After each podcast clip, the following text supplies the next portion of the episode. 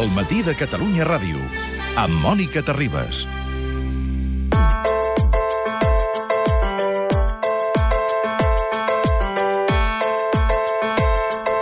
Ja fa dies, quan vam parlar amb Xavier Sala i Martín, que cada 15 dies fem l'informe, li vam dir, escolta, em podries traduir-li als oients de Matí de Catalunya Ràdio com els implicarà el tractat eh, transatlàntic de lliure comerç, aquest tractat eh, entre els Estats Units i la Unió Europea? I va dir, fantàstic, ho farem el dia que votaran al Parlament Europeu d'Estrasburg, perquè ara entraran les, les recomanacions del Parlament cap a la Comissió. I eh, benvingut, professor Sala i Martín. Hola. Deu ser tan complicat això que han decidit que avui no ho votaran. Exactament. Eh? Sí, sí. Perquè aquí intervenen molts, molts uh, factors, tot i que aquestes recomanacions que farà el Parlament Europeu no són vinculants d'entrada. No, a veure, deixa'm, deixa'm a veure el, el, el, què, què estem discutint. De no? què és- parlem? de què parlem? Què és el tractat aquest? Uh, a veure, els, per, els països, molts països, per impedir que hi hagi determinats tipus de comerç, eh, que els americans et venguin aquest producte que fa competència amb el nostre producte, que els americans fan el mateix amb els nostres productes, doncs tradicionalment havien posat el que s'anomenen aranzels, mm -hmm. és a dir, els estrangers paguen un 15%, i per tant, com que fem que els estrangers siguin més cars, la gent deixarà de comprar estranger i comprarà local. Això a poc a poc ha anat desapareixent. Els aranzels, els, els polítics, els països han vist que eren dolents i a poc a poc han anat desapareixent, però han- l'han substituït per altres tipus de barreres. Normatives, per exemple. Barreres normatives, no? Uh, per exemple, eh, aquí a Europa no es poden comprar una tonteria, no? Però ostres eh, americanes. I a Amèrica no es poden comprar ostres europees. Les ostres es protegeixen. Les ostres. Per què no es poden comprar ostres? Doncs bé, perquè la regulació americana diu que només es poden vendre ostres si s'ha fet un test de bacteris en les aigües en les que viuen les, viuen les ostres. La regulació europea diu que no s'ha de fer un test de l'aigua, s'ha de fer un test de l'ostre.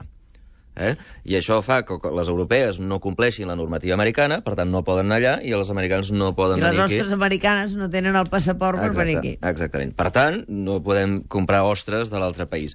Um, això és un exemple... Qui diu ostres diu moltes altres Sí, coses, clar. no? Hi ha, hi ha un, gran, un gran pollastre, i així de, de, de, ho dic de manera literal, uh, Sí, perquè... atenció lingüistes. Xavier Sala i Martín està parlant de pollastres de veritat, no Sí. d'embolics i de sidrals, Exacte. de pollastres. Sí. Hi ha un pollastre a Alemanya, a Alemanya el, hi ha un gran moviment en contra d'aquest, eh, del tractat aquest, del TTIP, Sí? perquè eh, els americans, el, el, les, les normes nord-americanes de salut alimentària eh, fan que els pollastres, quan, abans de vendre, s'hagin de netejar amb, aur, amb aigua, amb clor, eh? Sí. amb aigua de piscina, per entendre'ns. Mm. I els alemanys diuen que això enverina a la gent. Eh? I per tant, ara hi Perquè ha... el pollastre queda amb el clor Sí. impregnat. Hi ha una, una paraula anglesa, que, alemanya, que no sé, no sé pronunciar, però que bàsicament és el, el debat del pollastre clor, clorat. Eh? I, i, I a Alemanya tothom parla de pollastres clorats, fins i tot l'Angela Merkel, que està a favor del tractat aquest, s'ha posicionat en contra dels pollastres clorats. Eh? Va. És a dir, Cada estat té els seus quès. França també, per exemple, Exacte. amb algunes, amb algunes polítiques, entre les quals els productes audiovisuals, que ells encara són molt protectors, afortunadament, del seu espai audiovisual, i això així han aconseguit potenciar-lo. no? Tot, tots els El problema és que això es negocia a nivell europeu, és un, és un tractat, diguem-ne, bilateral, Europa, esta, eh, Unió Europea, Estats Units, però després això s'ha d'aprovar país per país. Cada país ho haurà d'aprovar. Per tant, cada país aprofita per ficar-hi la seva. I tothom té els seus problemes, tothom té els seus lobbies, tothom té els seus eh, grups de pressió. Eh, eh, per exemple, una de les coses que els americans no respecten són les denominacions d'origen. Ells en el seu, en el seu eh, vi gasificat li diuen xampany, amb tota tranquil·litat. No es van veure obligats a canviar el nom per cava o, o vi de Califòrnia o no, no. Ells diuen xampany tranquil·lament. Uh, òbviament, els francesos volen que el xampany només sigui de la zona xampany i el formatge Roquefort només sigui de la zona Roquefort. Encara que tu facis el mateix formatge, amb el mateix procediment, amb el mateix tipus de llet, tot igual, no. Si no ve de la zona Roquefort, no es pot dir Roquefort. Per tant, s'estan barallant, aviam què és el que es pot dir uh, Roquefort, què és el que es pot dir xampany, uh, i amb així podíem trobar infinits, infinits uh, casos de baralles eh, de baralles sector per sector i, diguem, òbviament, cada país defensant els que tenen poder polític a dins del país Sí.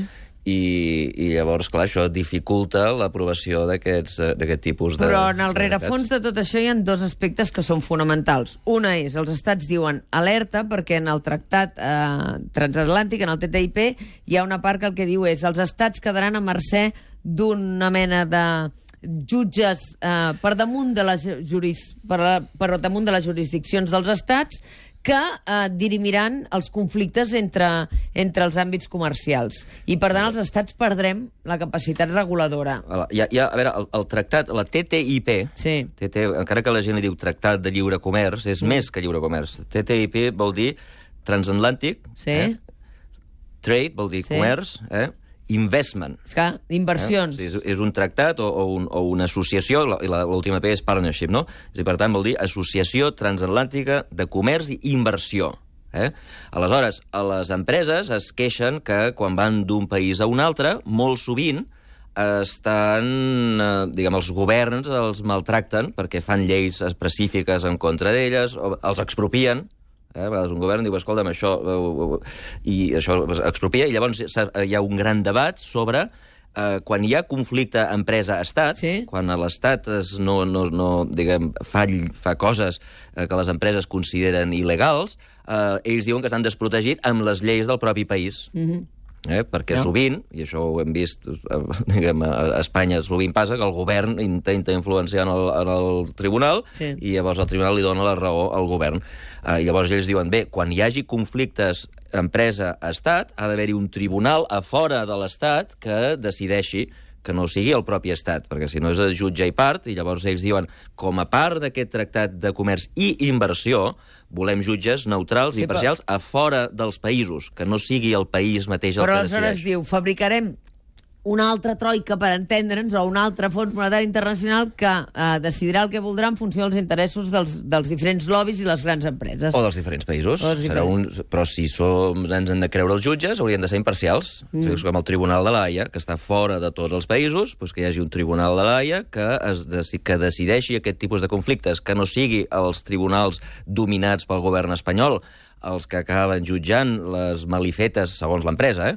les malifetes del govern espanyol, ni que sigui un tribunal nord-americà que jutgi les malifetes del tribunal nord de, del govern nord-americà, que sigui una cosa que estigui a fora. I aquest és un dels grans conflictes que hi ha avui dia amb aquest, amb aquest, eh, Tractat. amb aquest tractat. Eh? No- No es posen d'acord eh, els països a donar a un tribunal exterior eh, aquesta capacitat de, de, de prendre decisions sobre els conflictes estat eh, estat-empresa. El veredicte de Xavier Sala i Martín sobre el TTIP, sobre aquest tractat de comerç i inversions eh, que vol unir, d'alguna manera, un gran espai entre Estats Units i la Unió Europea, és que està condemnat a produir-se perquè és la supervivència davant dels mercats emergents que poden, eh, poden condicionar d'aquí uns anys les economies, tant l'europea com la nord-americana?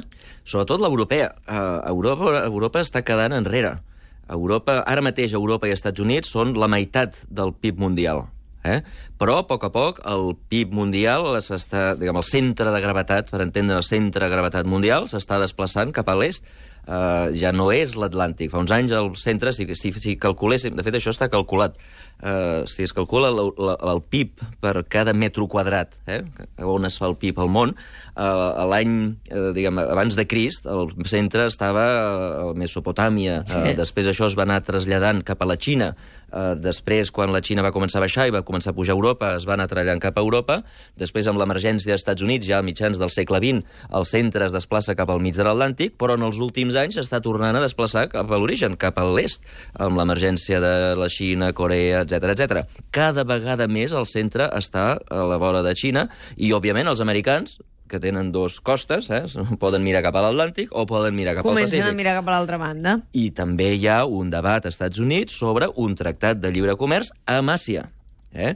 Aleshores, eh, els, europeus aquí tenim, eh, ens hem, hem de decidir si ens fiquem, ens, ens, ens, ens seguim, sent, seguim sent el centre del món o ens quedem enrere.